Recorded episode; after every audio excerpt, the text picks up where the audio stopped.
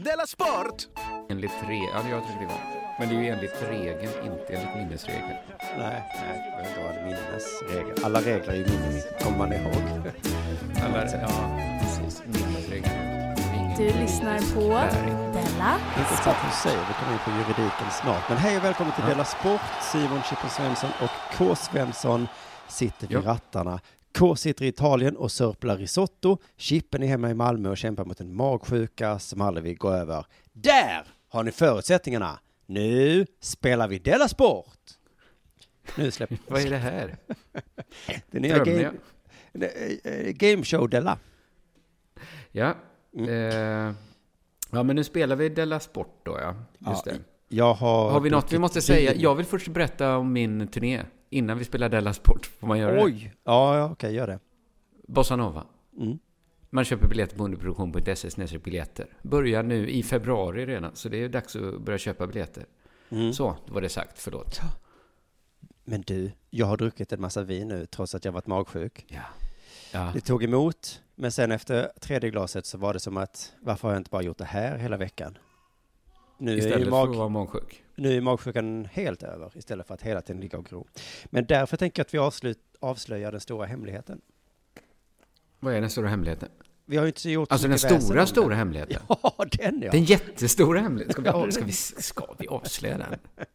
Jag tycker vi gör det, för att jag har ju redan hintat lite på sociala medier att 2019 är året Delamond utökas med ännu ett avsnitt. Ja, just det. Det är det som är så intressant. Att, att det, ja, vill du förklara hur det blir? Att det blir ju inte ett till veckoavsnitt. Nej, men det viktigaste är ju som, det, där kan vi, det, detaljerna kommer vi till sen. Men det viktiga är Ja, att okej. den 16 februari så är det premiär för det här nya Dell-avsnittet. Vi behöver inte säga vad det heter eller vad det är än, det kan vi komma till. Nej. Men det är live inför publik, premiäravsnittet, och den här gången är det Stockholms tur. Ja, det, det är verkligen Stockholms tur också. Ja. Eller egentligen, det är väl så här hela Norrlands tur. Ja. Och liksom många städers tur. Men, men visst lite Stockholms tur också. Men Jag jag, tyck- tycker det är så roligt, för jag vet så här att, att ingen kommer kunna gissa vad det är. Jaha, nej, fast nu när du säger det så blir det lättare för dem att gissa. Ja, det blir det såklart. För, eller blir det det? Ja, kanske lite då. men jag tror ingen, men jag tror ofta många tänker så här, "Aha, men nu ska de, kommer de ha så här ett filmprogram som ska heta Della Cinema. Mm. Jag tror inte man kommer, jag, tror det är svårt att gissa den här gången, att vi ligger ändå ett steg före. Ja, ja, ja. Jag tror Men det. Ja, Ja. det hade varit snyggare om du inte hade sagt det, tycker jag. Ja, För förlåt då. Ja. Men i alla fall, håll, håll era korpgluggar öppna. Det är ett svårt ord att säga. Håll era korpgluggar öppna för att köpa biljetter för det här eventet och sen kan ni såklart lyssna på det sen också. Det kommer 16 februari. Men nu är jag så himla nyfiken eftersom du är på tågluff i Italien. Har det hänt Mm. dig något sen sist? Det måste du ha gjort. Ja, det måste du ha gjort ju, för att jag är ju på tågluff med min familj. Fru, nollåring, inte samma person. Tvååring, Ja. och så är det jag. Ja. Vi har nu tagit oss, eh, nu har inte, eftersom förra var bakom betalvägg, så vet kanske inte eh, majoriteten av lyssnarna att jag är på tågluff med min familj. Just Men det. vi har då tagit oss från Rom till Florens. Och jag ska säga så här att det är inte alls som tidigare semestrar jag har varit på. Nej. Är det något som skiljer framför allt? Eller det... Avkopplingen, Ja, ja. att den, att den, det är inte avkopplande alls på samma sätt. Nej, Alltså att det, för att det inte är avkopplande alls. nej. Det, det, är, det är jätte, jätteroligt och det är jättefint och, och, och trevligt och allt sånt där. Men just avkopplande är det faktiskt inte. nej. Det kan- Är det din första semester med barn? Nej, jag, i somras var jag i, Lapp, i liksom långt Ja, det, ja. i Lappland med hela familjen. Och jag, Ja. nej, men jag har varit på flera semestrar, men eh, jag tror... eh, Det kanske, min son är en lite besvärlig ålder. Ja. Han har mycket nya tänder. Ja, just Det vet barnföräldrar. Alltså att det är inte så att han bits, eller det gör han också. Men det är ju liksom det att han mår dåligt av det. Att det Ja. kliar, antar jag. Gör ont Ja, man- kanske. Ska man gissa så? Det är kanske tänderna, säger man? Ja, man Ja. gissar, eller det kanske är fas han är. Han kanske frigör sig nu. Odlar mustasch och, och flyttar hemifrån snart. Ja. Sen Jo, tycker det- jag han jag, också, alltså det här, jag har tänkt på det ett tag, men jag tänkte på det verkligen idag, att han är också, det här har inget med tänderna att göra, men han är faktiskt läskigt stark. Och jag, jag, vågar säga det för att jag har ju haft ett barn i samma ålder innan. Mm.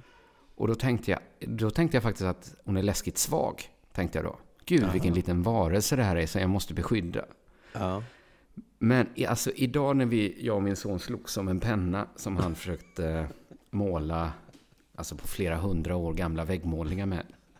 Så kände jag, vilk, alltså när jag fick bända Varför var det en penna ens med i den här historien? I den här historien ska det inte vara vi har, så mycket, vi har så mycket pennor. Vi har så ja. mycket pennor. Det finns liksom så himla mycket man kan förstöra med just pennor. Mm. Och vi har nästan bara packat pennor. Det är, det är mer pennor än kalsonger till K. Svensson med på den här resan. Ja. Och alla pennor kan förstöra mer än IS gjorde i Palmyra. Mer så liksom eh, ovärderliga minnen. Ja, men när, när, jag liksom var tvungen att bända upp, så här, inte hela handen som man, jag kunde göra med min dotter, bara släpp den! Utan jag fick ta finger för finger. För att, ah. Då kände jag så här, vilken märklig liten styrka han sitter på. Det var liksom som, jag var i inledningen till en Stephen King-roman. Ja. Att det här kommer hoppa upp och bita mig ändå.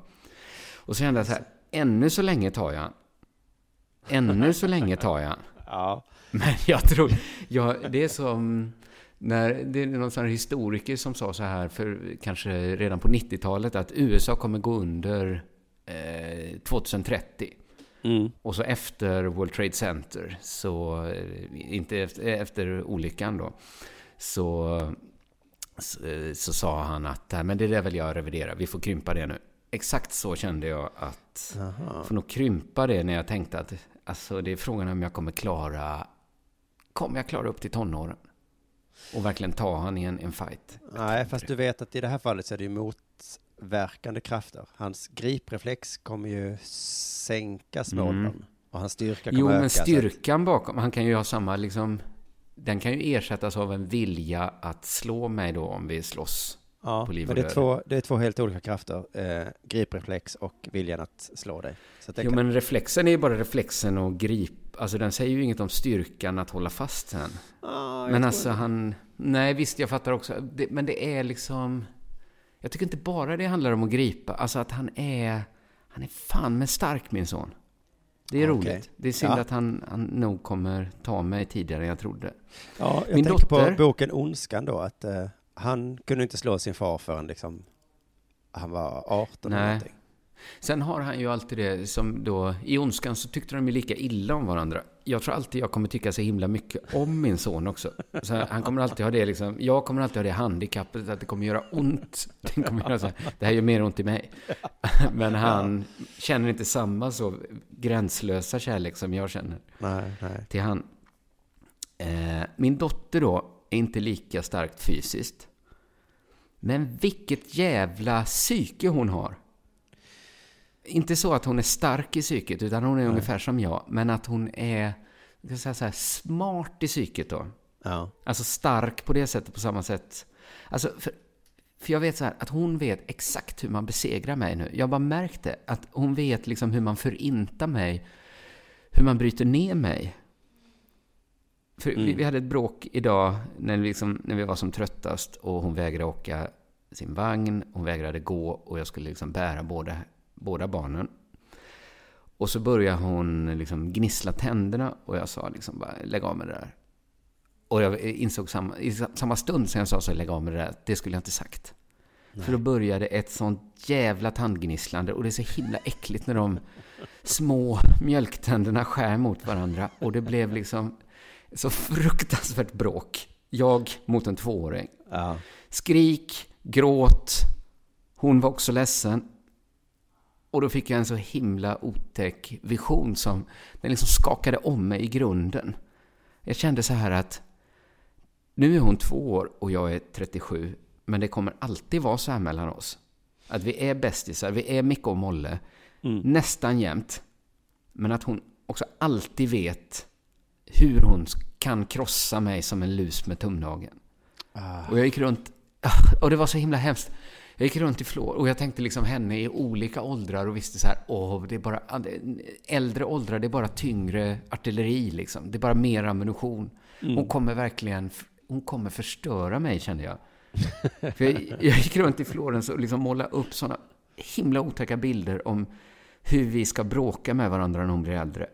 Att hon verkligen alltid kommer veta vilka knappar hon ska trycka ja, på. De knapparna kommer bara vara tyngre och tyngre och liksom större och större. Och så Om man ska göra en roast mot dig och hon är 16, då ringer jag henne och säger, vad har du? men, ska inte roast vara mellan människor som älskar varandra? Jo, men jag vill veta vad fan som gör ont nu. Kom igen, ja, Filo. ja, precis. Gnissla tänder. Gå fram till mikrofonen och gnissla tänder. Har du mjölktänder, ännu bättre. Ja, men hon kommer veta saker när hon är 16. Ja, men det var inte så mycket liksom själva graden av ammunition. Det var mer liksom bara premissen för det. Men jag tänkte mm. så här att det kan, tänk om det kommer komma liksom sådana tider att, att liksom hon drämmer till och jag liksom blir så arg eller förkrossad. Att vi kanske inte kommer prata med varandra på 15 år. Nej, men så är det ju ha döttrar. Det är det jag har sagt hela tiden. Du och jo, Jonathan du säger är det som att, så här, eh, titta nu, nu ångrar du väl. Det är ju inte ett val man har. Nej, men ni säger, åh, det är så jobbigt att ha söner, säger ni.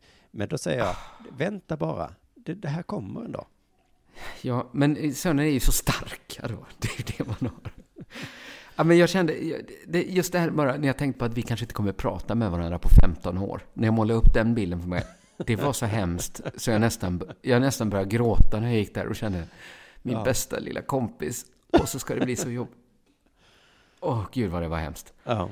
Så, men jag har ju också, innan hon har den ammunitionen, har ju jag många år på eller inte många, men jag har år, tid, inte år kanske heller, men veckor i alla fall, och ställa om och lära mig hantera de här obehagliga, obehagliga psyket hon har. Annars så får jag säga så här att vi bor helt fantastiskt. Mm. Gud vad fint vi bor. Vad duktig du har alltså, på att boka ja, boende då. Ja, det är min fru. Jag älskar henne. Mm. Jag har aldrig blivit insläppt på ett så här fint ställe. Och nu bor jag så här. Det är så, så himla skönt att ha min fru med. När mm. barnen är så starka och så psykiskt överlägsna. Och avslutningsvis så undrar du såklart eh, om jag ätit någon risotto. ja, det undrar jag Nej, såklart. jag har inte gjort. Nej. Jag var, nu har jag varit på ett ställe som hade risotto. Ja. Och det var så himla nära att jag beställde in risotto, men kunde bara inte förmå mig själv att beställa in något som bara är ganska gott. Nej. Där det fanns så mycket gott att välja på. Nej, alltså det kanske så, nu som du ser extra hur knasigt det blir den här killen som döpte sig till risotto. Vilken jävla galning det är. Ja, nu att... fattar jag verkligen hur galen Att han varit på en italiensk restaurang och ja. bland allt man kan välja på. Fast grejen är ju att så god mat är det ju inte. Alltså, det är ju inte... Jag vet inte. Du tycker ju italiensk mat är barnmat. Har du sagt? Mm, ja, men också god. Väldigt god. Ja, den är ju god. Men det är inte riktigt så som man jag står fast vid mitt att den första tuggan italiensk mat när man kommer till Italien är alltid den godaste. Ja, Sen men... blir man lite trött på vetemjöl, va? Efter ett tag. Det är kanske då man tar en risotto. Ja, precis. Det är ju men... i alla fall ris. Möjligt att det är sant, men om du har menyn framför dig så ser man ju en, liksom, ett hav av möjligheter i menyn. Mm. Och då mm. väljer man inte risotton, även om man kanske vet att den här pastan kommer vara sådär. Det är som att de skulle sagt så här, men de har också världens bästa havregrynsgröt på det här stället. Ja, jo, mm, kan, ja, vi får kan... se. Fast jag kanske tar in. Jag är, jag är jättetrött på liksom det här andra, men jag tar nog det ändå för att jag vill inte ha mm. Ja, men imorgon kanske jag äter en risotto. Vi får se. Kanske inte heller. Vi, eh, någon gång ska jag äta en risotto. Har det hänt dig någonting sen sist? Ja, det är två dagar sedan vi pratade och mm. eh, Dela Arte som då är bakom betalvägg. Och sedan dess har jag, även då var jag väldigt, väldigt sjuk. Mm. Eh, vi har haft någon, någon slags form av magsjuka. Inte kräk riktigt, men nästan liksom. Eh, men mm. grejen är att hela familjen har varit sjuk. Mm. Vi lämnade ju den äldste sonen hos hans mamma när vi kom hem från Tropical Islands. Och sen så blev de mm. resterande tre sjuka. Och då skulle jag ändå säga att det varit ganska mysigt faktiskt. För att alla har velat sova hela tiden. Det, jag har också märkt att barnen tycker det är väldigt mysigt när man är sjuka. Ja, så då har vi gjort det. Vi har sovit allihopa. Den lille oh, sover som fan. är Men det hjälper lite att ni inte har magsjuka på riktigt va? Ja, jo det är ju en... eh, Att ni bara är hemma och sover egentligen. Ja, För vad är magsjuka om man inte kräks? bara en vanlig Är sjuk. det något... ä- Ja, ni är väl sju... Vad är ni? Ja, Förkylda? vi har feber och sånt liksom. Ah, det låter faktiskt jättemysigt. Ja. För jag har tänkt nu, eh, för jag har varit så himla trött och så har jag sagt så här, jag får gå och lägga mig. Och så har min tjej sagt så ja men gör det så tar jag hand om bla bla bla. Mm. Och, och sen så har hon sagt, nu får jag gå och lägga mig. Och det bästa med att, eller det sämsta med att vara sjuk, det är att alla andra är friska. Mm. För det är då man jämför sig liksom och tänker, åh du är ute och gör något kul och han gör något kul Ja. och den gör något Förutom kul. att de kan ta hand om en lite då. Precis, men då får jag alltid lite skuldkänsla att någon ska behöva ta hand om mig och så. Ja, jag är inte heller så glad i just det att bli ompysslad. Nej. Riktigt. Så att jag bara fick den här känslan att om vi får en sån här pandemi, en sån knäpp ko-influensa, eller Ja. fågel, fågelsnuva. Alla sjuka, ja. Ja, det är inte så farligt. Tänk när spanska sjukan rasade i Europa, var folk var hemma och mös då. Ja, men de satt i alla fall inte och tänkte alla andra gör något kul, utan de tänkte ja. Nej, nej, det hade de ju.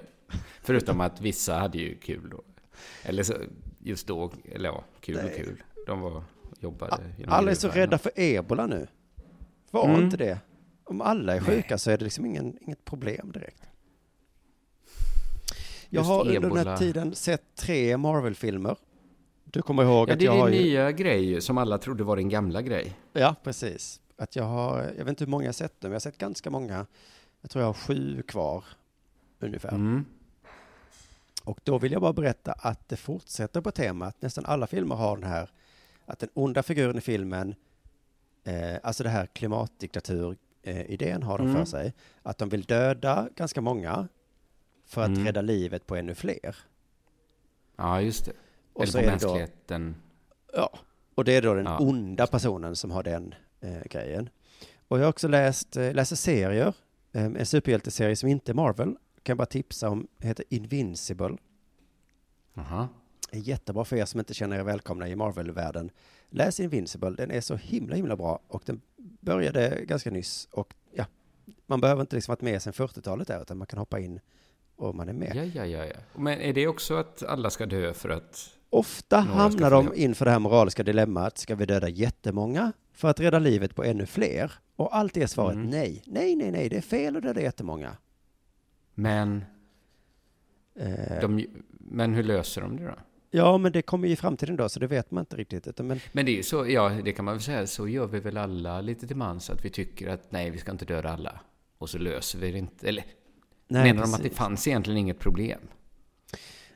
Ja, men då skjuter liksom ju problemet lösningen på framför det moraliska sig. dilemmat att ah, Ja. de hade bara fattat fel? Ja, men Egentligen de skjuter ju det framför sig då innan. istället för som de onda i Marvel-filmen också som säger så nu dödar vi hälften av världens eller universums befolkning. Och så säger Ja. han nej, nej, nej, vi, vi får se hur det går. Men jag undrar Men är varför... det inte som eh, så här, eh, sådana filosofer som Torbjörn Tännsjö och sådär som säger att ja, men det, vi, vi borde ha så här ett organlotteri? Att det skulle alla må bäst av. Att, Mm. Så här att eh, man bara lottade. Så här att även levande kanske skulle få bli av med. Och så är alla, nej, fast vi, vi bara fortsätter som vanligt va. Vi kan bara fortsätta som vanligt och se hur det går.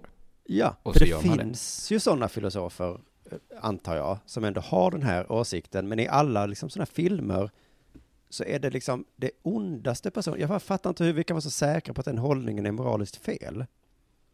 Är det helt Men otänkbart med en film där liksom protagonisten planerar en atombombsattack på New York så att alla ska dö? För Mm. mänsklighetens bästa. Och så Eh. handlar då hela filmen om att han strider mot sådana godhetsknarkare som inte står ut med att knäcka några ägg för att få en omelett. Jo, eh, jag tror det blir svårt just som Marvel-film kanske. Jag tror det finns ändå i lite mer nischade kanske. Du måste ut långt ut på kanterna tror jag.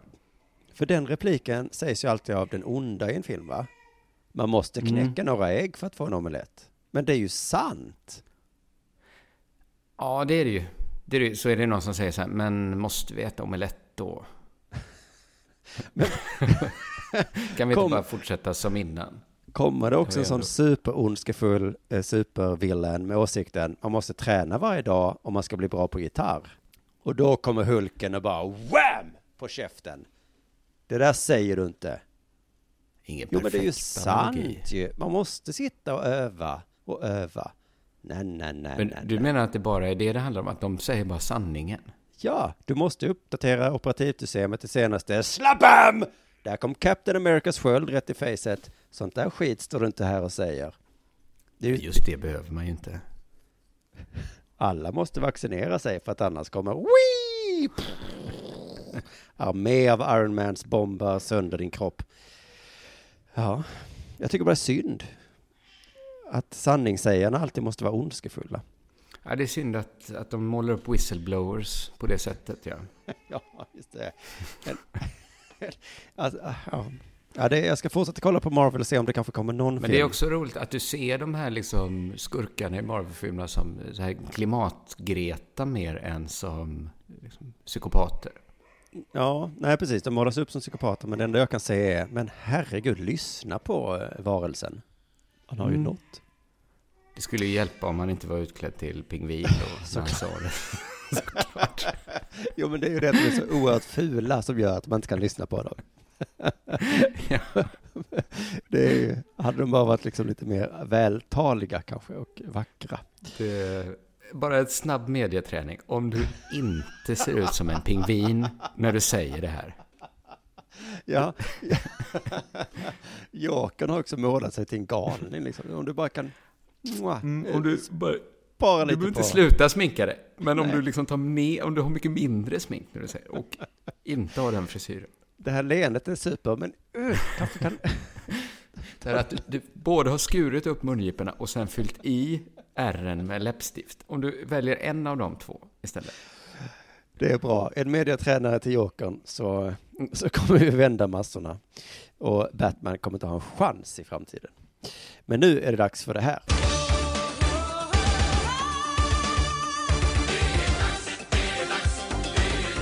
Della Sport! En av de stora Della Sport-favoriterna, Pudding, Ja. eller Anders Weiderståhl då, som han egentligen heter. Eh, jag talar alltså om svenska hockeylandslagets legendariske materialare. Han har fyllt 65 år och ska gå i pension. Det här pratade vi om redan för ett halvår sedan tror jag. ja. Eh, och De vi la har pratat Grande om tror jag. Vad sa du nu? De la Grande i Göteborg. Ja, till exempel då. Men vi har också pratat om att han ska gå i pension och sluta nu. Mm. Eh, och, ja, ja, han har kom- kommit upp då och då. Eh, men nu finns alltså risken att det blir sista gången vi nämner Pudding. Jaha, ja, ja. För att han slutar ju nu då. Just det. Och med anledning av att han ska sluta så är han intervjuad i Sydsvenskan och han berättar där om hur djupt namnet Pudding sitter. Så här står det. Eh, han berättar att hans internationella kollegor kan ringa och fråga efter Mr Pudding. De vet inte att jag heter Anders, säger Pudding. Där blev jag liksom så himla förvånad över att materialare har internationella kollegor som, som ringer. Vad är det de... Är Och så? också Check. ringer inte till Pudding utan till Nej. växeln liksom. Jävlar, jag måste få tag på... Ringer de så nummerupplysningen bara. I need to talk to um, Pudding, Sweden. Nej men att, att så Tjeckiens materialare ringer och kollar av så ska ni ha med egen tejp eller hur, hur gör ni med den grejen? Hur, vad är det då? Att det är sån kollegial stämning mellan Ja. materialarna. Att de Ja, just det. Men alla behöver inte ha en sån eh, hockeyslip, eller vad är det, skri- skridskoslip? Vi har en. Nej, Vem tar med den idag, Alla liksom? tar med, ja. Precis. Och då kanske jag inte skulle ringa just Pudding och alla, men... Nej. Han har då varit anställd sedan 1980 av Svenska ishockeyförbundet. Eh, och han säger så här att det var Kurre Lindström som sa till mig. Det här kan bli ett jobb. Du kan försörja dig på det. Ah, Det är lite ändå nedlåtande att säga åt någon man ser jobba som materialare. Och säga, du, du som tvättar tröjorna här. Du skulle kunna jobba med det va? Jag tänkte att det var en visionär som gick fram till en tiggare och sa, hörru, det här, du kan skaffa dig ett Du skulle kunna få swishnummer. pengar för att sitta här. Ja, visst. Det kan bli nya Ja, Heberlein. ko- konstigt sagt av Curre Lindström. För jag kollar Ja. upp då att han tog över Tre Kronor 1986. Och Pudding började som materialare för Huddinge Hockey 1972. Han kom till Tre Kronor 1984. Och då alltså 1986 kom Kurre Lindström till Tre Kronor. Alltså 14 år hade han jobbat som materialare. Eh, men sex år. Hockeyspelare och fotbollsspelare hade ju ett jobb vid sidan av. Det hade säkert materialen också det. Tror du det? Ja, det kanske de hade. Ja, Han kanske menar mer att det, det skulle kunna bli ett enda jobb, ja. Ja det. Det var, det var då, det var då, det är ändå lite ändå tycker jag, chansning alltid att säga till någon som jobbar Ja. att det du gör, det där skulle du kunna jobba som. Särskilt någon När- som gör skitgörat liksom. Så är det lite. Ja, Mm. Fr- Framför, ja, precis, för det är alltid svårt. Nu var det ju liksom... Nu älskar ju Pudding att liksom ha hand om material och sånt där, men om det skulle liksom vara någon som så här städar toaletterna kanske säga så här, fan, det där skulle du skulle kunna bli jävligt, jävligt bra på det där. Skulle kunna bli en av Sveriges bästa på det, om du verkligen lägger manken till. Mm, nej. Men det var, det var då det loss, lossade i alla fall, när Kurre sa så att det, där, du, att det skulle kunna bli ett jobb för dig. Mm. Eh, och så berättar Pudding ur... Eh, att, att hockeyn liksom ur... Han berättar ju då ur materialarens perspektiv hur hockeyn har förändrats under hans långa yrkesliv. Mm. Han säger så här att förr, förr var det ett riktigt kompisgäng som gjorde allt tillsammans. Alla körde bänkpress, sit-ups och åt falukorv i ugn med potatismos och alla gick ut på samma ställe. Det var en väldigt rolig period. Mm. Precis exakt så som man tänker sig att det var förr. Ja, precis. Det var liksom, hela Sverige var ett enda stort kamratgården. Där alla Ja, åt ja. pyttipanna och, och liksom hällde klipulver i varandras kalsonger. ja, jag hade kunnat åka liksom till Linköping och varit bästa kompis med alla där. För att alla var svenskar och samma. Ja, Mm. ja, ja, precis den grejen också. Jag menar inte Idag- etniciteten, men jag menar att vi hade liksom någon slags jävla gemenskap. Ja, som, som man tror. Ja, precis. Precis så var det också. Precis som man tror att det var. Mm. Så var det. Hur är det idag då? Precis som du tror att det är idag. Idag köper de schampot som de vill ha.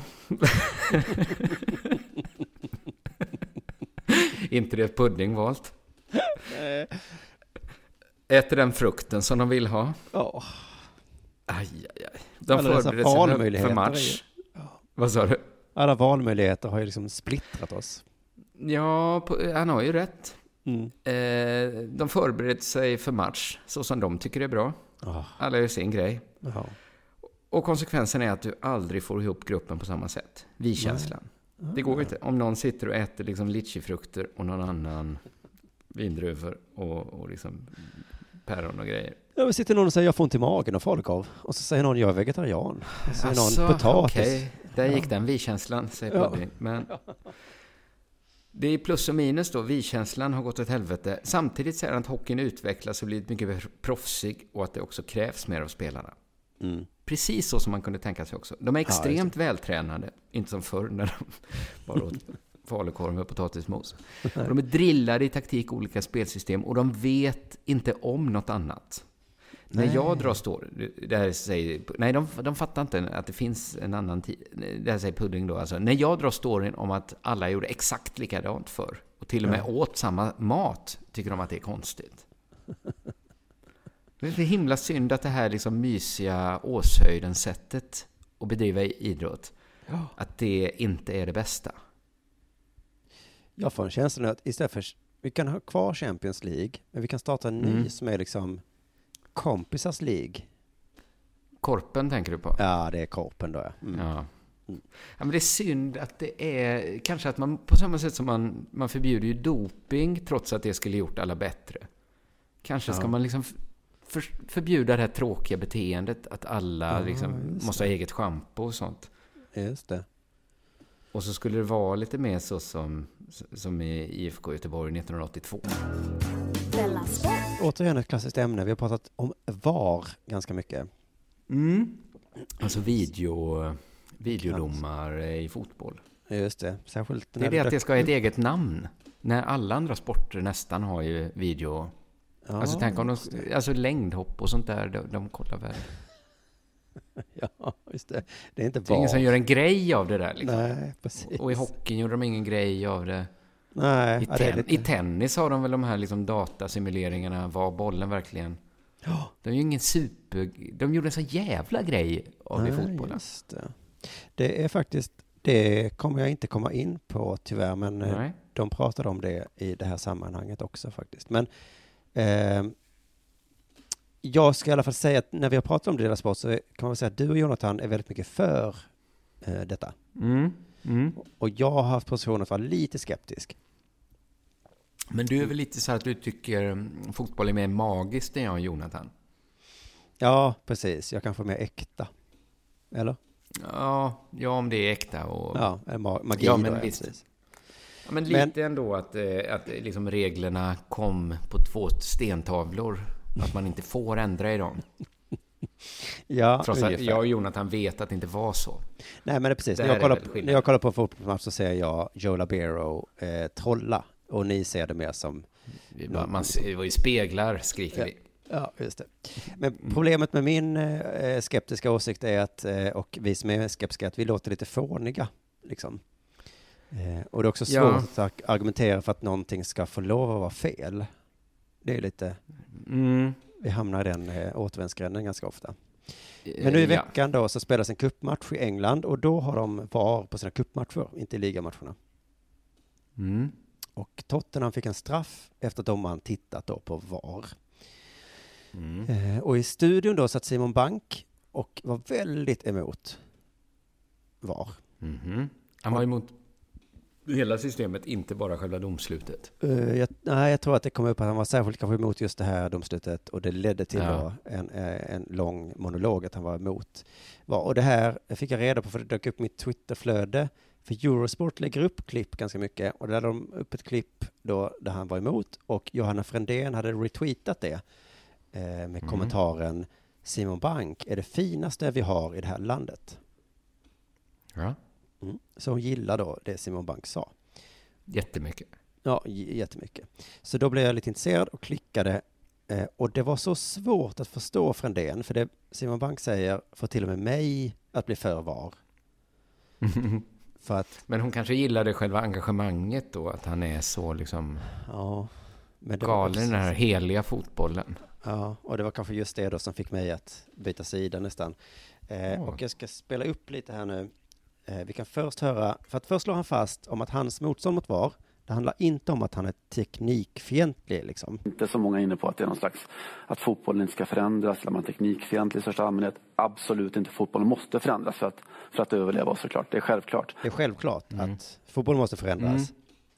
Är det, ja, okej. Han är inte Mm. teknikfientlig, det är inte det att han hatar teknik i största allmänhet. Liksom. Nej, men det fattar vi nästan att han inte... För då, Hatar. fa- de fattar man ju att de inte gillar VAR, de som är sådana liksom, ekofascister och bor i liksom, torp i skogen utan el och vatten. Att de Precis. kanske inte gillar VAR. Nej, om man hade liksom hatat jävla tv-kameror som gör, gör att jag kan se en fotbollsmatch från ett annat land. Nej, den tekniken älskar han. Det är inte bara VAR, han hatar kameror. Tänk om han hade riffat loss sådär. Jävla, de tar ju själen från människor. Det blir ju, de tar ju någonting. Det förstår ju vem som helst. Ja, det är ju självklart. Tunn, tunn. Ja, för då hade man inte behövt lyssna på hans kritik mot, själva, mot just VAR, om man hade liksom hatat Nej, kameror. Men. VAR då har en särställning bland teknik och Ja. bland förändring också. Ja, precis. För han vill ju att det ska förändras, bara inte just precis så här. Eh, han gillar säkert e-mail och kanske tekniken som gör att man kan bygga broar. Liksom, att den, det gillar han säkert. Och förändringen som gjorde att liksom kvinnor fick rösta och sånt där. Ja, ja. för Det är en, att historien ändå får ha sin gång. största sannolikhet. Men då har vi det sagt då. Ehm, men vad kan det då vara som man inte gillar då? Eh, jag rubricerade med att jag, jag har estetiska problem med det. Det förstår alla. Att Michael Oliver står med handen i örat i, i två minuter under en match på Wembley när vi får veta om det är mål eller inte, eller straff eller inte. Det är inte särskilt estetiskt tilltalande. Det förstår alla såklart. Ja, han menar alltså att alla förstår att det inte är estetiskt tilltalande att domaren står med handen i örat i två minuter. Nej. Men den tycker jag att man skulle kunna komma runt ändå. Precis. Ja, Det skulle kunna gå lite snabbare, håller jag med om. snabbare och snyggare kanske. Han behöver inte stå med, han kan ha en bättre hörselsnäcka så han inte måste ha handen Det skulle i vara någon som liksom. bara ropade så... Var? Ja. Och så var det gjort liksom. En, en, en stor högtalare som... För jag tyckte ju att det var ett väldigt spännande moment måste jag säga. Det, det förhöjde lite under VM var. Men, ja, för man fick inte se vad domaren tittade på, men man fick se domarens min. Så tänkte man så, oh, var är han på väg nu, Mm. den här minen? Mm, mm, mm. Så jag tycker det är snarare estetiskt snyggt då. Så där. Men eh, hans andra argument är lite bättre får man nog säga. Jag pratar om det rent eh, moraliska och det är att jag tycker att det är lite godtyckligt sådär.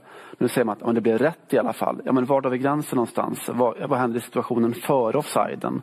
Vad händer i passningen? Vad händer när Tottenham vinner bollen och så vidare? Förstår inte riktigt vad det moraliska är. Men Inte moraliskt kanske, men det är ju, jag håller med om att det är lite inkonsekvent varför man inte ska granska. Men jag skulle ju säga så här, varför granskar man inte allt? Alltså, varför sitter det inte på viktiga matcher tio domare och bara... Varför, varför är det en domare på plan? Som måste springa över hela planen, när han inte måste. varför sitter inte jättemånga domare i ett kontrollrum? ja, så kan det vara. Men jag gissar att när VAR kom till så sa de så här, vi ska granska det som händer liksom vid avgörande situationer, med mål och straff. Och så kanske inte... Ja, men det är ju måste- godtyckligt ändå, vad som är en... Om man tar liksom den kaosteorin, att Ja, ja, precis. alltså vad, vad liksom startar en avgörande Vad En avgörande situation är ju egentligen vem som vinner slantsinglingen. Så blir det ju en helt annan, med hans Mm. sätt att se det. Ja, precis. Men då är det, då har vi, men vi har ju ändå satt gränsen någonstans. Då är det ju så man löser sådana moraliska problem. då. Ja, precis. Det är det ju faktiskt. Att man säger att eh, det, är väl offs- det är väl när det blir mål eller straff och sådana grejer va? ja det går nog precis. ändå att lösa och hitta Det, det är en mål och straff definition. offside, eh, skulle jag gissa. Ja, jag tror också det. Eh, Så vi får fortsätta höra. Det finns ju regelbrott konstant på en fotbollsplan som vi skulle upptäcka om vi frös bilden. Det är ändå en människa som ska besluta vilka situationer. Eh, där kan man säga att det är en avgörande situation. Han säger att det alltså finns regelbrott konstant. Jag menar, det är folk går lite- runt och så petar på varandra och håller på och säger taskiga saker till varandra. Ja. Men, hade det varit så himla hemskt? Jag tror ju ändå att te- tekniken skulle kunna vara där så vi skulle kunna slippa regelbrott helt egentligen i fotbollen. Att man skulle kunna så här granska matcher efteråt och ha kameror överallt och så ser man så här, nej men någon gick runt och drog han i tröjan hela tiden. Då åker han Mm. ut nu. Jo, men du måste ju blåsa av i stunden annars. Nej men då, då kan man väl ha en annan regel, att då får man, blir man avstängd i efterhand. Och så Ja, stävjar det. man det, heter det så? Ja, precis. Och det är Så- kanske det som är hans poäng här då, att så är det ju inte nu. Utan nu kollar vi Men bara jag tror, precis visst är det att folk vill ha fotbollen lite skitigare och lite mer liksom mänsklig. Att, Mm. det, att det är väldigt mycket känsloargument kring... Att det kokar ändå ner till känsloargument väl? Ja, och hans problem är väl här att nu har vi valt ut en situation som vi ska titta på, medan det kanske finns tusen situationer som vi hade kunnat titta på då. Ja, men vi Eh. kan också titta på alla de tusen. Eh, Ja, men då stannar ju matchen upp hela tiden. Det, Nej, det men vi kan inte. kolla i efterhand och så skulle det inte bli Ja. några om folk Ja, blev straffade. Okej, men det är inget alternativ. Jag tycker, han är ju egentligen pudding nu som längtar efter en tid när alla åt falukorv och potatismos. Jo, Det är ja, bara men- det ja, att det var sämre då. Ja, men jag tror faktiskt det är precis det som hans eh, case här. Nu har vi valt ut en situation som vi ska titta på. När man hade då, då missar vi alla andra situationer som kanske också är viktiga. Ja, det, det blir ju lite löjligt att säga att en situation är... Ja, för att det kan... Ja, jag, jag håller ju med han.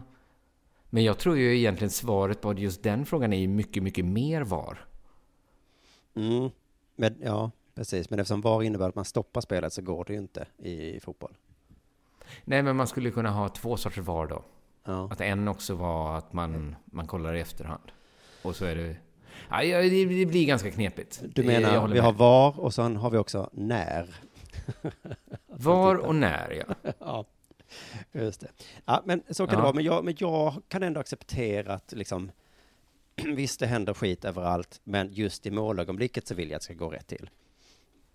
Ja. Men, ja, men vi kan fortsätta höra. Han svamlar väldigt mycket här nu, så vi får försöka hänga med allihopa. Hade vi tekniska lösningar som garanterat varje gång omedelbart spikar en offside, fine. Men det här handlar inte om det.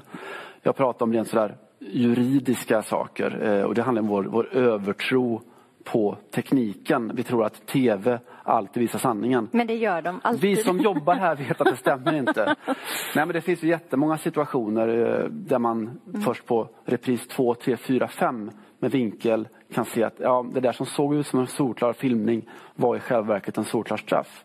Så att då är det som avgör istället en, en kameravinkel, var kameran är placerad någonstans. Istället för då Men hur mycket är det människan. mot... Det sista där tycker jag låter lite teknikfientligt. Att det är Ja, kameran som avgör istället för människan. Mm, för man kan ju bara byta ut kameran mot domaren, va?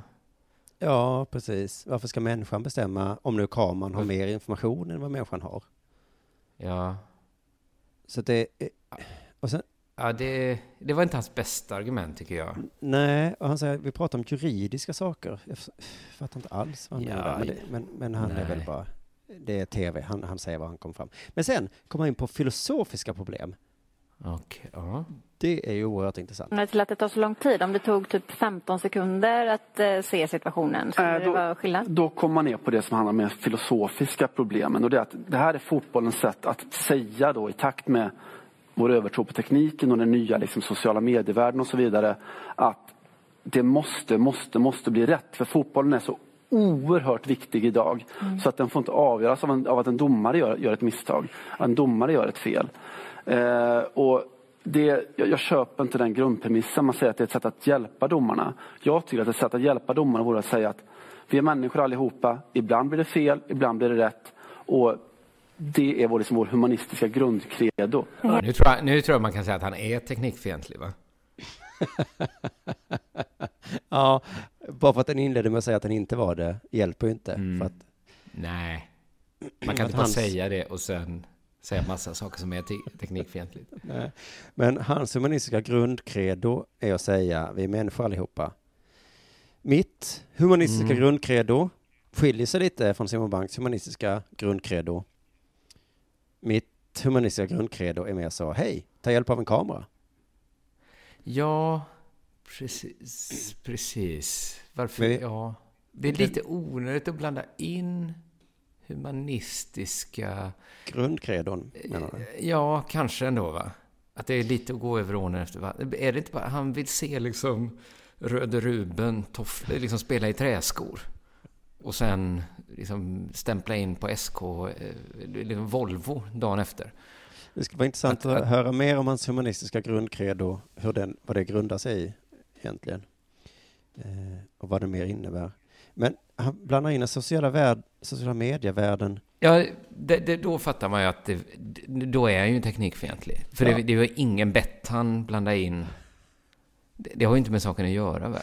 Eller menar han att det är liksom sånt Dåligt va? Men Simon, Facebook? Ja, jo. Ehm, Ja. men det viktigaste i hans svammel är- verkar ändå vara det att han tycker att det måste inte bli rätt. Nej men grejen är, han har väl inte... Han, eh, det var väl säkert roligt förr på ett sätt också. Mm. Men Ja, när det, det- går att ha rätt så är det så himla svårt att övertyga andra om att varför man inte ska använda det. Ja, för det är det som är så svårt med oss som är lite emot var att säga så här, det måste, det måste inte vara rätt. Vad är du för jävla pedant? Det, det, det kan bli fel ibland. Chilla Ronaldo, det blir fel. Det löser sig. Det men grejen är, det alltid. löser ju sig säkert på, på tusen matcher så det, Det jämnar ut säkert. sig på en lång säsong. Du får en offside Ja, det mot det dig. säkert. Du får en offside med dig. Det kommer fixa sig till slut. Inget tvivel. Fast nu känns skiten sur, säger Simon Bank. Men det Men ordnar ju sig. Men det är också att han lite säger att det som man alltid kan säga, att så him- det är ju ändå bara fotboll. Det är väl lite Ja. det han säger. Det är Ja. bara ovanligt att man säger det i det, den situationen han sitter i. De Ja. som måste upprätthålla så här att det är mycket mer än fotboll. Han som För de lever brukar på att det är mer än fotboll säger det är inte mer än fotboll. Alltså, Han tillhör ju ändå det, det liksom skråt som in, inleder alla sina krönikor med ha ha ha, där är fotboll mycket mer än bara fotboll. Det är Ja. religion. Där, det. det. är världspolitik. Det är... Men, men visst, han har ju inte fel i det, att det är ju ändå bara fotboll. Men då kan Nej. jag också säga, men det är ju ändå bara så här elva killar som jagar en boll. Ska det, ska det vara något att filma? nej, Nej, precis. Ska jag stå här i en studio och tjäna pengar för att kommentera det här? Det är ju bara... Fotbollen är så viktig idag att jag måste stå här och ha en åsikt om det som hände. Det, det som hände, Kostymen hände. sitter fel. Det kliar över hela kroppen på Simon Banks. Han vet att det bara är... Det är bara, bara trams alltihop ju. Ja, och var vi, ja, det är kanske det som är problemet, att VAR visar för honom att hela hans livsuppgift är bara trams. Ja. Eh, Det var bättre Ja, det är innan. det att det ställer den frågan på sin spets, ja. För Mm. han i alla fall. För när det väl kommer till frågan, liksom, ska vi avrätta han som missar en straff i VM? Nej, det kan vi inte göra, det är bara fotboll ju. Ja, fast, fast du har ju också sagt att Att det är religion.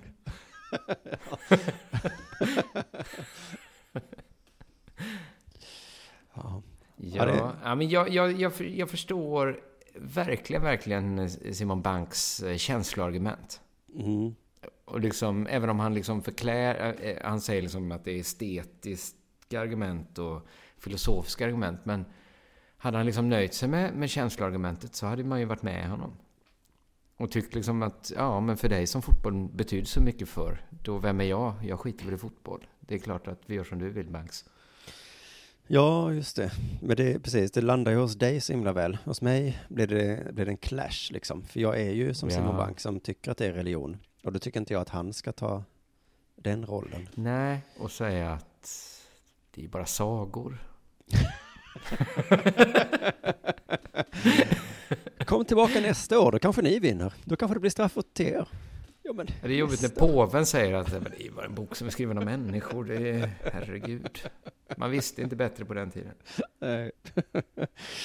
Du hade ett jobb, påven. Ja, det var att upprätthålla sagan. Du lyssnar på Della Sport.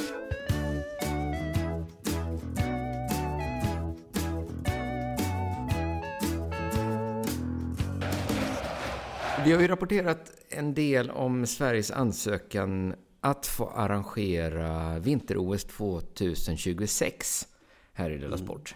Ja.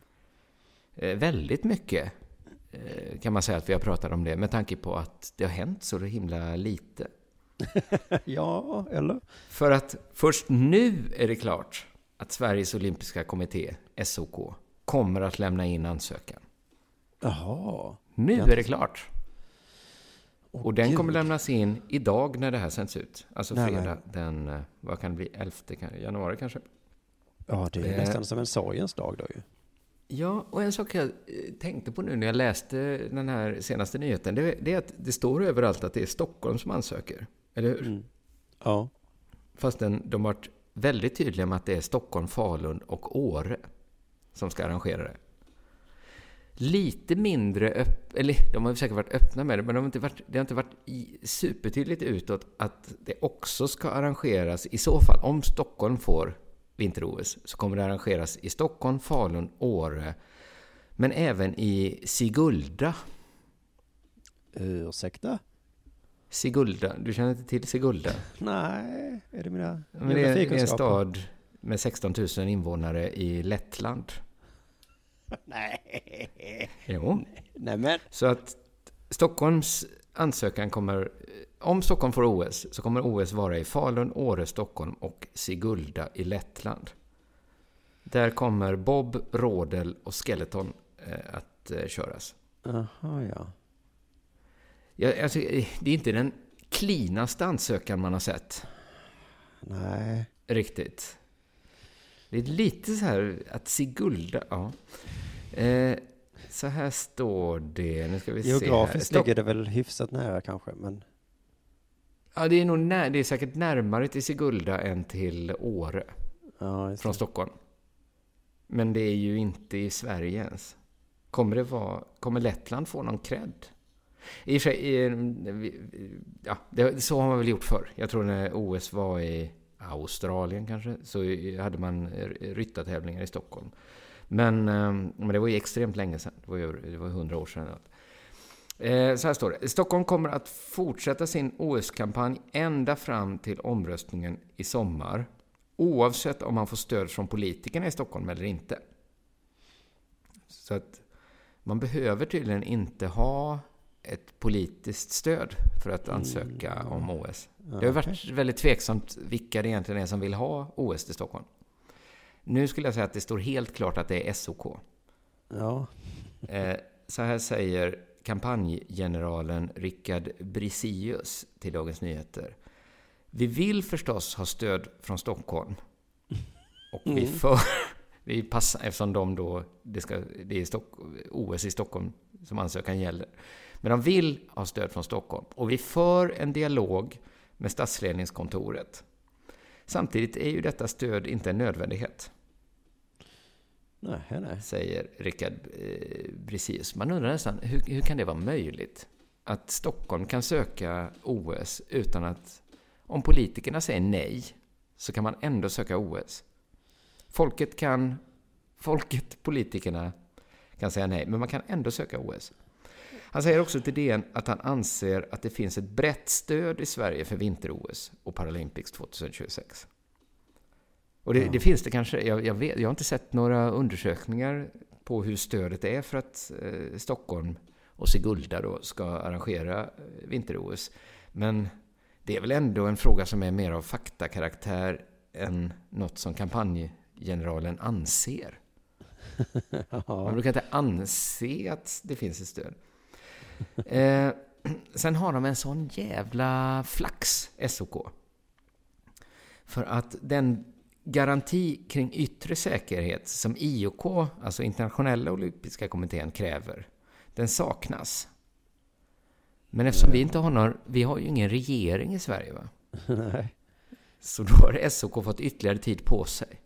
För att IOK vet inte hur långt borta en regeringsbildning eventuellt är i Sverige. Vad spännande, nu fick jag det bara- effekt det här att vi inte har någon regering. Nu fick det, märk, nu fick det liksom en märkbar effekt att vi inte har någon regering. Ja, nu fick det det till slut. Man har undrat när det skulle märkas, men det, nu märktes det. Mm. Men jag tycker så här att om OS är bra för liksom bilden av Sverige så är ju den här ansökan inte så bra för bilden av Sverige. Va? Att nu måste hela världen veta om att vi inte har någon regering. Ja, just det. Det är ju ändå lite pinsamt ändå att alla andra länder har en regering, utan vi. Har ni ingen?